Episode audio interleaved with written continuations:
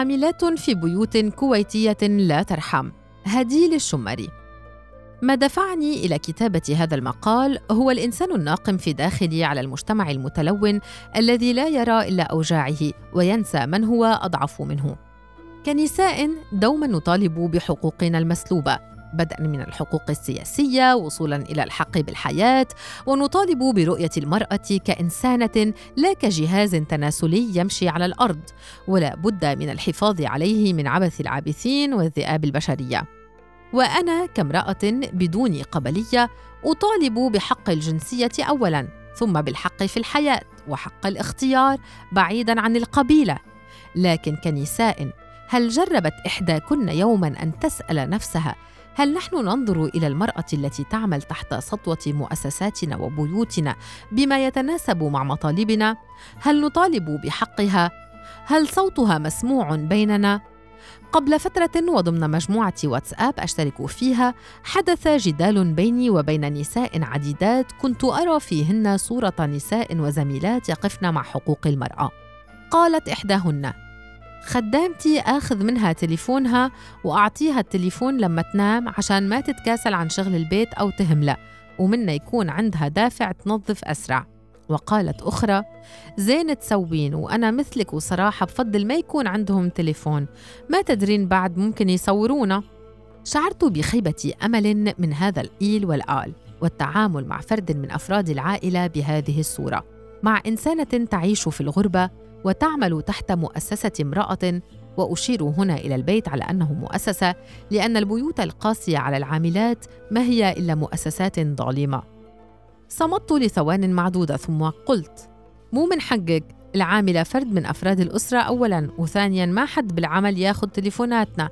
وهالإنسانة متغربة تحتاج تكلم أهلها؟ وإذا تخافون من التصوير ليش تأمنينها على بيتك وعيالك؟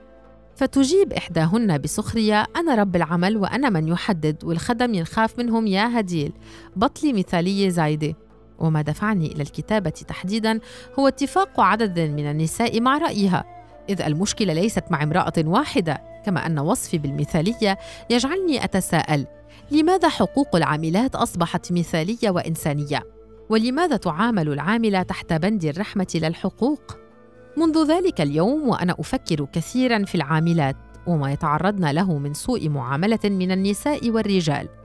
أنا امرأة بدون أعرف ما أتعرض له من سوء من المجتمع وأنا عربية قبلية. أعاني في بلادي كثيرا ولن أكون أنانية بالحديث عما أعانيه وأنا أكتب عن العاملات. ماذا عن امرأة غريبة في مكان محاط بالمخالب والقسوة؟ هذا ما قلته لنفسي وأنا أتألم على حال النساء من الشرق إلى الغرب وحتى لو كنا في المريخ.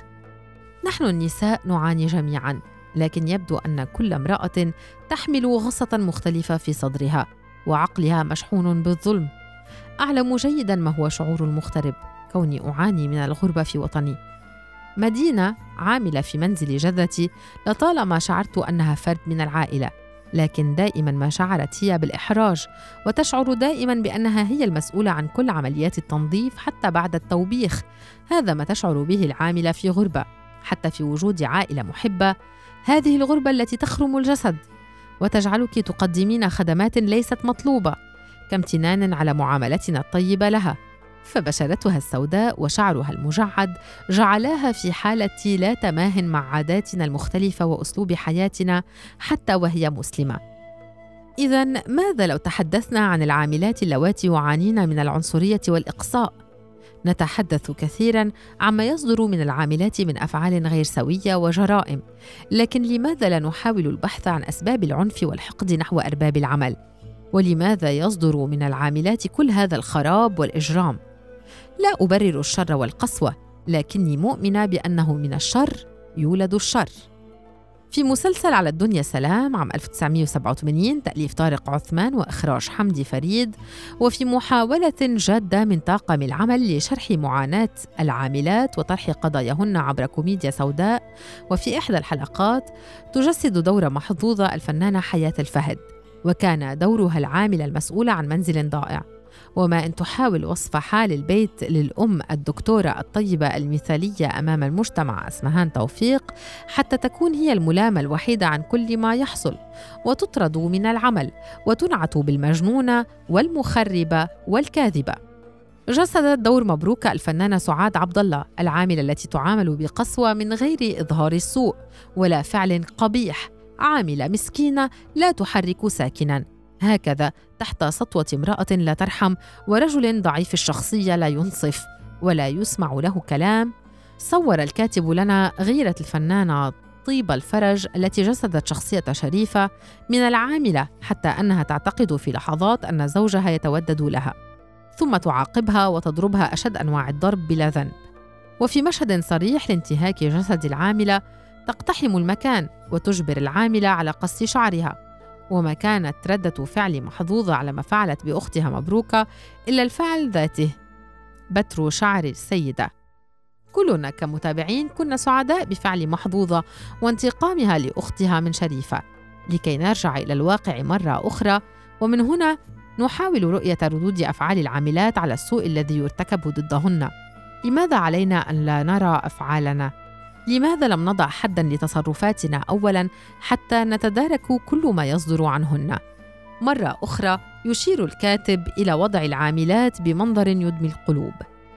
جسدت دور بدرية زهر الخرجي المرأة المحبة المعطاءه مع جيرانها في المستشفى. لكن حين يكون الأمر يخص العاملة تضربها وتحرمها من الطعام وتعاملها بقسوة وكلمات فظيعة وتقدم لها فتات الطعام على الرغم من كثرته. وعلى الرغم من مستواها المادي المرتفع. هنا يشير الكاتب إلى النساء اللواتي يكن مثاليات مع النساء كلهن إلا العاملات لأنهن من طبقة فقيرة مهمشة.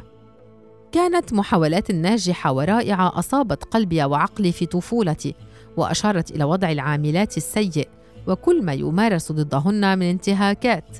لطالما تذكرت هذه المشاهد كتجسيد لحياة امرأة تعمل من أجل عائلتها وتبيع حياتها وطموحاتها من أجل لقمة العيش. إذ انخفضت مطالب العاملات إلى مجرد الاحترام. لطالما آمنت بأن الإنسان لا يولد شريرا أو يحمل في قلبه حقدا وشرا وحرمانا. كل الأشرار نتاج السلطة والمؤسسات التي لا ترحم. ربما نتاج عائلات غير محبة. كلها تراكمات. كذلك أقول إن هؤلاء العاملات لم يتركن عائلاتهن وراءهن حتى يقتلن أو يضربن أو يجرمن بحق البشرية. نحن خلقنا في دواخلهن الغضب الغضب الذي لا يهدأ. تتعرض العاملات إلى انتهاكات غير قانونية وغير شرعية ولا يسمح بها الدين الإسلامي. إذا كنا سنتحدث من منطلق ديني على سبيل المثال ففي الكويت العاملة محرومة من مغادرة البيت. حتى لو كان المكان غير آمن ما دامت سيدة المنزل أو سيده لا يرغبان في أن ترحل.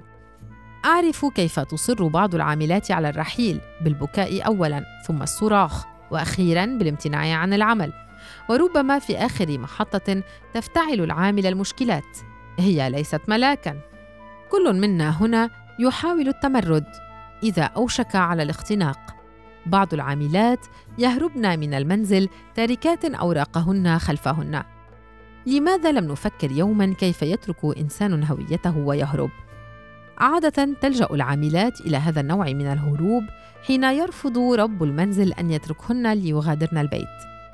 وفي مراحل أخرى تهرب العاملة لأنها تتعرض لعنف نفسي وجسدي وربما جنسي.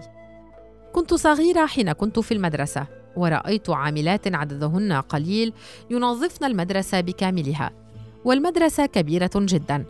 كنت أرى بعيني كيف تقذف البنات القذارة من دون تفكير في هذه العاملة التي خدش ظهرها من الانحناء. وسمعت كثيرا المدرسات كيف يوبخن العاملات إذا امتلأت القذارة في المكان. لم يعتذر أحد إلى هذه العاملة بأي شكل من الأشكال. ولم يرى أحدهم ظرفها النفسي. ربما تكون في الحيض أو خلال الدورة الشهرية وغير قادرة على الانحناء. كلنا شاركنا في تكديس الأعمال عليهن برواتب لا تتعدى ال 150 دينارا أي ما يقارب ال 500 دولار. في كل مرة في المدرسة أو خلال الزيارات حين تشكو العاملة من ألم بعض النساء يقولون تتدلع عشان ما تشتغل. طبعا لا أقول إن الجميع هكذا. لكني أشير إلى بعض النسوة اللواتي لا يتجاوبن مع آلام العاملات بل حتى في المخفر. لا تؤخذ الشكاوى من العاملات بجدية نظرا إلى أنها الحلقة الأضعف في البلاد. ولا ننسى كيف تتعرض العاملات إلى الاعتداءات الجنسية. وكم من مقاطع مصورة انتشرت تصور لنا كيف يتم التحرش جنسيا بهذه العاملة وانتهاك جسدها وخصوصيتها وإرغامها على ممارسة الجنس وإلا ستطرد. وربما تحرم من راتبها الشهري أو يحسم منه بحجة التهاون في عملها إلى جانب أن العاملات عادة لا يملكن إجازة سنوية ولا أسبوعية ويعملن على مدار السنة. سأتحدث عن الضغوط النفسية من عائلات العاملات. إحدى العاملات القادمات في منزلنا كانت تقول لي إن عائلتي لا تغفر لي إذا لم أرسل المصروف الشهري ويرون أنني لا أحبهم. وأتعمد التهاون في إرسال المصروف لذا أحرم نفسي من غالب ما أرغب. لابد من تكثيف شرح معاناة العاملة والحديث عما تتعرض له من سوء وانتهاكات من أصحاب الأصوات العالية حتى يصل صوت هذه المرأة المهمشة. هذا المجتمع لا ينظر إلى معاناة العاملة ولا يطالب بحقوقها وعادة لا يستمع إليها ويهمشها. للعاملة حقوق كما لك حقوق.